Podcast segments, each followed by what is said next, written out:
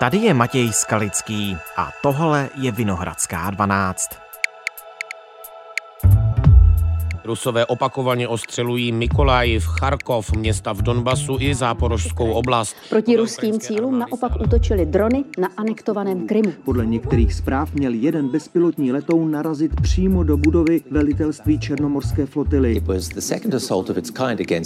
Právě drony mají hrát podle ukrajinského velení zásadní roli i při znovu dobytí okupovaných území na jihu Ukrajiny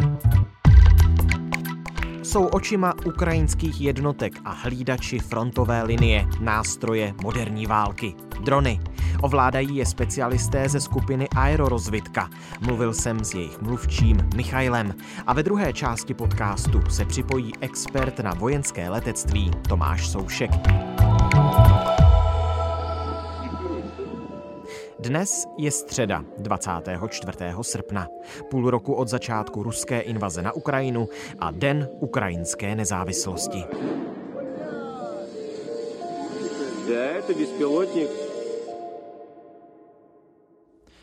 Michailo, domluvili jsme se, že zveřejníme pouze vaše křesní jméno, tak vás budu oslovovat pouze takto.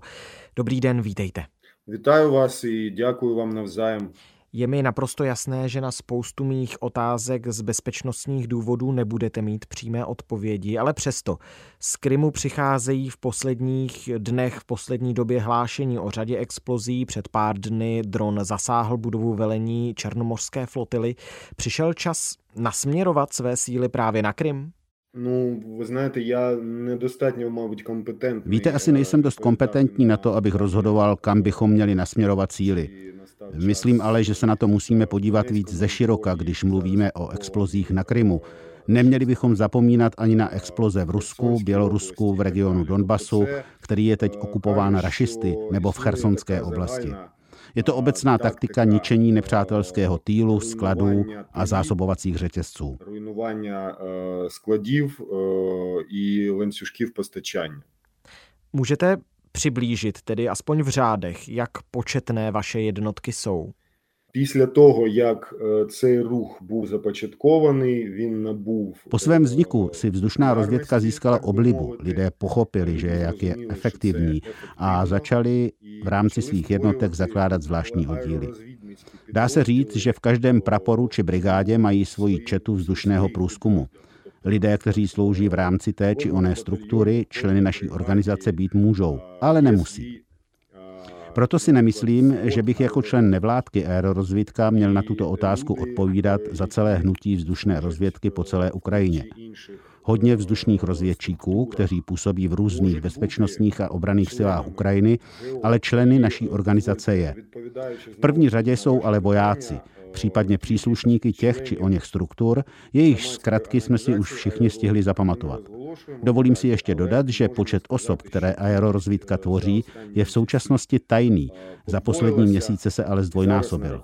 Dnes už máme desítky aktivních členů a stovky v záloze. Aktivních členů i sotní v rezervě.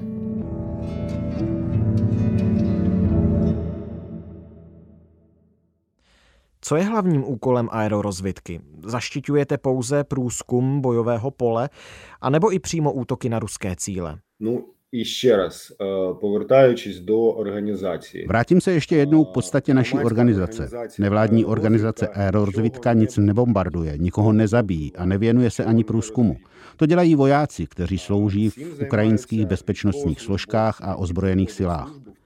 Úlohou aerorozvitky jako nevládní organizace je pomáhat při získávání robotizovaných, na sítě zaměřených vojenských kapacit a při zavádění inovací v naší armádě. Pracujeme v několika směrech, nejde jen o bezpilotní létající prostředky. Patří sem systém situační orientace, což je velmi důležité, umělá inteligence, kyberbezpečnost, dálkový průzkum nebo radiový průzkum. Všechny tyto kapacity naše organizace poskytuje různým strukturám ukrajinských bezpečnostních složek a ozbrojených sil. Ty už mají své příslušníky, kteří, to není zakázáno, můžou současně být členy naší organizace, využívají poskytnutých kapacit a působí v té nebo oné oblasti. Bezpilotní letecké systémy můžeme, jak jste správně řekl, rozdělit na útočné a průzkumné та е, різного роду розвідницьку. Jaké drony vlastně používáte, co mají za vybavení a jak teď skrze ně vypadají frontové linie? Щодо ударних дронів, co se týká útočních dronů, tak odborníci, kteří jsou členy organizace Aerorozvitka, svého času vyvinuli dron R-18.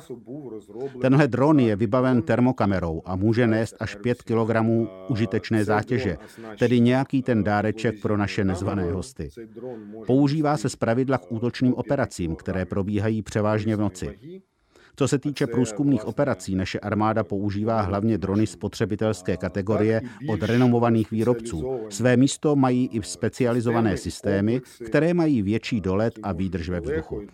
Ty můžou dlouhodobě pozorovat určité objekty, vracet se a zprostředkovávat informace těm jednotkám, které je potřebují.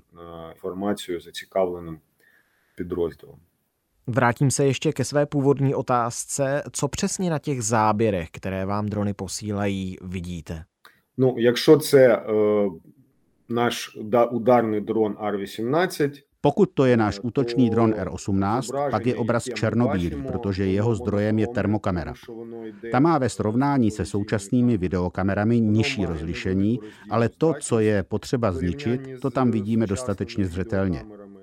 Co se týče civilních dronů, které teď všechny jednotky používají k průzkumu a navádění dělostřelecké palby, ty poskytují kvalitní videozáběry, na které jsme dnes všichni zvyklí. То там достатньо якісне відеозображення, до якого ми всі звикли в роздільній здатності або Full HD, або 4K.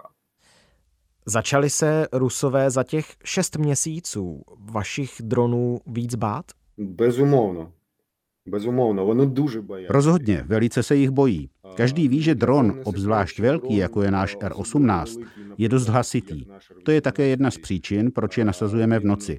Takže ho sice uslyší, ale nejspíš neuvidí. Tudíž ho můžou jen těžko sestřelit. Když rusové ten zvuk uslyší, rozutíkají se na všechny strany a každý někam zalehne. Všechno to vidíme, vidíme malé bílé človíčky, jak chaoticky leží někde v lese a čekají, až dron schodí bombu a odletí. Je jim totiž jasné, že teď nejspíš nebude bombardovat živou sílu. Vytouženou kořistí operátora dronu je vojenská technika. Čím dražší, tím úspěšnější operace. Cílem tudíž není živá síla, ale nákladná technika, třeba tank, velitelsko-štábní vozidlo a tak dále. To jsou ty cíle, které by chtěl zasáhnout každý operátor. A oni moc dobře vědí, že dron na ně nebude plítvat municí ani časem. Proto se rozutečou, zalehnou někde v lese, strašně se bojí a čekají, než dron odletí. Pak teprve vylezou a zjišťují, jaké mají ztráty. Vychodí i rachují svoje zbytky.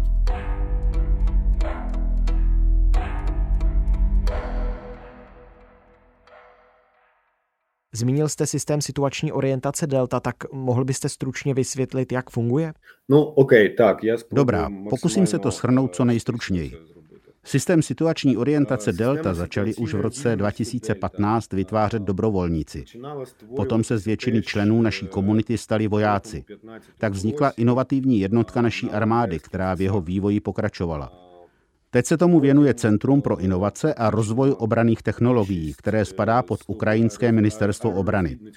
Delta je jeho vlastnictvím a jeho produktem. Systém situační orientace Delta vypadá jako mapa, která má spoustu vrstev. Každá jednotka tam má svou vrstvu, která je více nebo méně otevřená, více nebo méně tajná. Je to jednotný systém, který umožňuje mezirezortní výměnu zpravodajských informací. Národní garda Ukrajiny, služba bezpečnosti Ukrajiny, ozbrojené síly, hlavní zpráva rozvědky, teritoriální obrana, vojenská i civilní administrace, ti všichni můžou v deltě být. Všichni tam mají své vrstvy a všichni si tam můžou vyměňovat spravodajské informace nebo jiné údaje. Jaké zdroje informací Delta využívá? Jsou to třeba videa a fotografie z bezpilotních létajících prostředků, družicové snímky, pobřežní radary, signály čidel přímo na bojišti, také ale údaje zprostředkované informátory, tedy živými lidmi nacházejícími se na okupovaném území. Jsou to občané Ukrajiny, kteří s nasazením vlastního života poskytují informace našim operátorům. Úloha aerorozvědky je následující. Systém jako takový je vlastnictvím Ministerstva obrany, ale vytváření a rozvětvování sítě situačních center se věnuje i nevládní organizace Aerorozvědka. První takové centrum pochopitelně vzniklo v Kijevě, teď už je ale najdeme v mnoha ukrajinských městech. V Sumách, v Černichově, Charchově, Dněpru, Mikolajivu, Kramatorsku, Oděse a tak dále. Je to dost důležitá věc. Během kijevské operace sehrál systém Delta opravdu podstatnou roli. I vlastně v kijevské operaci система Дельта відіграла дуже дуже потужну роль. Aerorozvědka není součástí ukrajinských ozbrojených sil. Kde tedy získáváte finance a pomoc? Z vašeho rozhovoru pro Deník N jsem se navíc dozvěděl, že spolupracujete s českými firmami. No, aerorozvědka, jak vy právě. Aerorozvědka může existovat, jak jste správně zdůraznil, jen díky pomoci, kterou získává jak na Ukrajině, tak ze zahraničí. Bez peněz od dárců bychom nevyšli. V Česku máme velice věrné přátele, kterým jsme nesmírně vděční. V Brně už vzniklo něco na způsob konglomerátu, jeho základem je firma Jan Melville Publishing, kolem kterého je určitá komunita. Její členové jsou pořád vzájemně v kontaktu a mají své představitele, kteří udržují spojení s námi. My jim sdělujeme naše novinky, říkáme jim, co bychom potřebovali a oni se nám na oplátku snaží pomáhat. Pomáhají nám v podstatě od prvních dnů války. To je Brno. Věrné přátele máme ale i v Praze, kde je představuje Průša Research. Ty se nám s nabídkou pomoci ozvali hned první nebo druhý den války. Dodávali nám svou produkci, své 3D tiskárny a materiál, který tyto tiskárny používají k tisku. Kromě toho tu jsou Ukrajinci, kteří žijí a studují v Česku. Ti nám také hodně pomáhají. A známý fond Postbellum, se kterým spolupracujeme už dávno. Ti nás také pořád podporují. Nedávno jsme díky společnému úsilí brněnské a pražské komunity zaplatili velice důležité a technicky náročné vybavení za nemalé peníze. Nemůžu teď prozrazovat, o co přesně jde a jaká částka tam figuruje, ale věřte mi, že podobní přátelé jsou pro nás zdrojem inspirace a naděje. Це вселяє в нас надію, тому що у нас є такі друзі. Dnes je Den nezávislosti Ukrajiny, zároveň je to půl roku od začátku invaze Ukrajiny Ruskem 24. února 2022. Když se ohlédnete za těmi šesti měsíci, jsou to právě drony, které mají tu moc rozhodnout tuto Putinem vyvolanou válku? No, já nedumаю, že možná hovorit pro vyřešalnou roli. Neřekl bych, že drony můžou sehrát rozhodující roli, jejich význam je ale opravdu velký. Ještě jednou zopakuju, že drony jsou nejrůznější, dokonce nemusí ani létat, jsou i pozemní drony. Vývoj v tomto směru právě probíhá. Cílem lidí, kteří vojenské drony zdokonalují, je dostat živé lidi co nejdál z bojiště. Ať klidně přijdeme o nějaký ten kus železa, ale nechceme, aby umírali naši vojáci. Proto budou drony jak létající, tak pozemní dále nabývat na významu. Jediným cílem přitom je ochránit životy našich lidí. Jediný cíl je zberechty života našich lidí. Moc krát díky za váš čas naslyšenou. Děkuji všem. Do pobačení.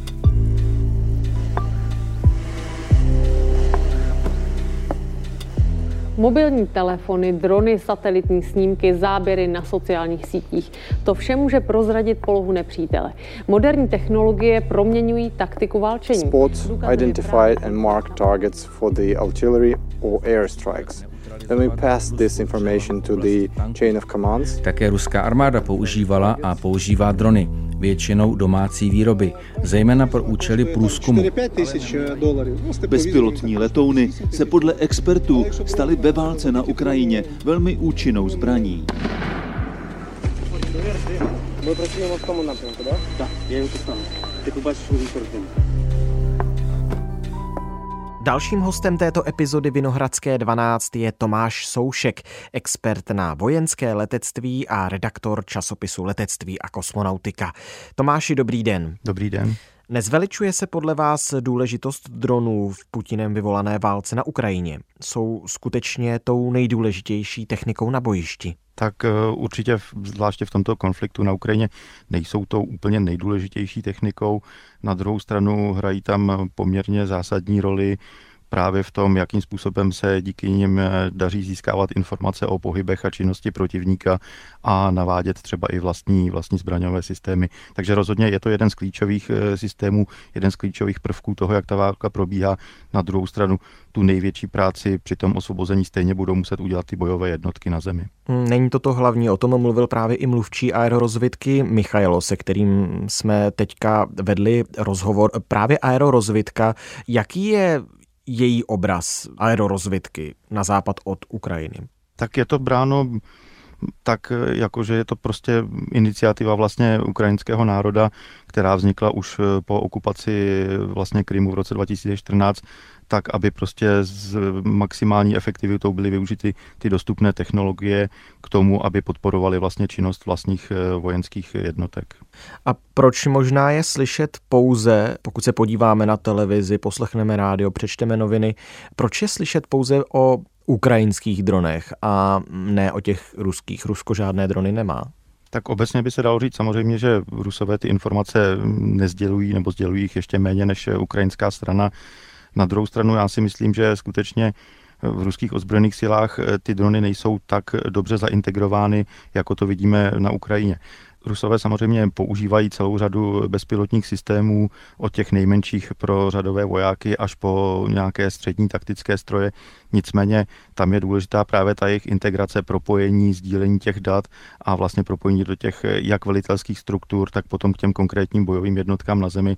A z toho, co jsme zatím viděli, tak ty ruské drony asi toto příliš neumí, ty vojáci s nimi neumí natolik dobře zacházet, neumí využívat vlastně ta data, která jim poskytují a z některých těch informací a třeba mm, posuzování technického stavu těch eh, sestřelených ruských dronů vyplývá také, že ta jejich eh, technologická úroveň v řadě případů není příliš vysoká, z čehož plyne potom nějaká třeba jejich menší spolehlivost a provozu schopnost a možná i kvůli tomu se vlastně potom ruská vojska na ně tolik nespoléhají jako Ukrajina. Velké nasazení dronů, zejména tedy na ukrajinské straně, je novinka nynější války, nebo už v minulosti bylo zapojení bezpilotních letounů běžnou součástí bojeschopnosti té či oné armády? Tak bezpilotní systémy se používají už dlouhou řadu let, několik, několik desetiletí.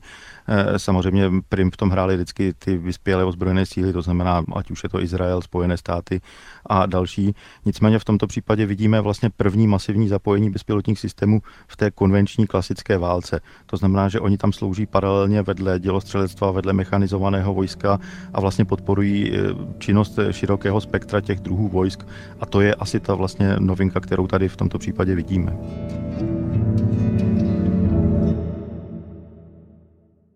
Myslíte si, že do budoucna se války a konflikty už vždy povedou právě s bezpilotními letouny ve výbavě armád, že to bude jedna z těch hlavních součástí? Ano, je to, je to vlastně trend, který už jsme tady pozorovali dříve a teďko válka na Ukrajině ho vlastně potvrdila.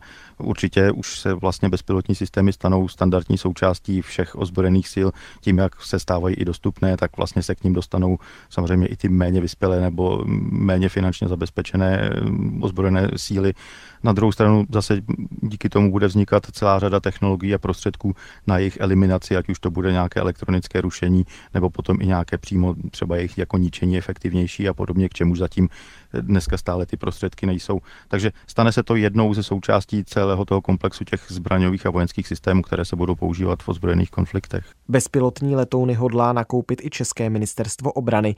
Jak hodnotíte nedávno avizovaný nákup tří dronů z Izraele? Tento avizovaný nákup systému Heron 1 od izraelské společnosti IAI je vlastně posun do další hmotnostní kategorie, do těch skutečně taktických eh, systémů, které jsou schopny zajišťovat nějaký dlouhodobý vzdušný průzkum a plnit celou řadu dalších, dalších úkolů. Já ten nákup hodnotím určitě pozitivně v tom smyslu, že se armáda konečně odhodlala a našla, našla vlastně prostředky, ministerstvo obrany našlo prostředky k tomu posunu právě do této kategorie, protože to těm ozbrojeným silám dává další schopnosti, které dosud postrádali. Trošku se obávám té konkrétní volby, protože z toho, co dříve armáda avizovala ve smyslu, co vlastně od těch dronů požaduje, jako je použití zbraňových systémů, nějaká kompatibilita vlastně a certifikace pro provoz v civilním prostředí, tak e, u tohoto prostředku Heron 1, který už je relativně dlouho na trhu a provozován je, je relativně starý, nechci říct zastaralý, tak informace o těchto schopnostech zatím nejsou. Pokud je ale samozřejmě izraelská strana bude schopná dodat a splní to všechny ty požadavky, tak určitě je to pozitivní krok eh, ve směru k modernizaci české armády. Myslíte si, že to je to hlavní pole, na kterém by měla česká armáda zapracovat, nebo co je to hlavní podle vás? Hlavní je v podstatě ta komplexnost těch schopností ozbrojených sil. To znamená, že my se nemůžeme soustředit na jednu konkrétní vlastnost a preferovat jeden druh vojska nebo jeden druh zbraňového systému a opomíjet ty další. Ukazuje se i na Ukrajině, že prostě pokud vám chybí jeden segment, tak to má dopady i na, te, na ty další druhy vojsk, na ty výsledky těch bojů. Takže a samozřejmě česká armáda má nedostatky v řadě dalších, eh, dalších segmentů, ať už je to třeba protiletadlové raketové vojsko, ať jsou to i samozřejmě pozemní síly, které potřebují taky řadu prostředků modernizovat. Ale samozřejmě drony a bezpilotní systémy, ano, jsou důležité. Eh, na druhou stranu je to novinka. Česká armáda zatím eh, ještě vlastně nemá úplně dořešenou tu organizační strukturu, jakým způsobem k jakým druhům vojsk je zařadí. Zda menší drony budou používat průzkumné jednotky a pozemní síly a ty větší se přesunou eh, k letectvu, protože už je to v podstatě systém provozu podobný jako u konvenčních eh, pilotovaných letadel. Jakým způsobem budou ty data potom a ty vlastně využívat všechny ty přínosy a benefity těch prostředků. Takže to je vlastně stále v procesu, ale určitě je to oblast, kterou nesmíme opomíjet a musíme se na ní zaměřit a samozřejmě pokračovat pokračovat v modernizaci v tomto sektoru. Díky moc za rozhovor. Díky, nashledanou.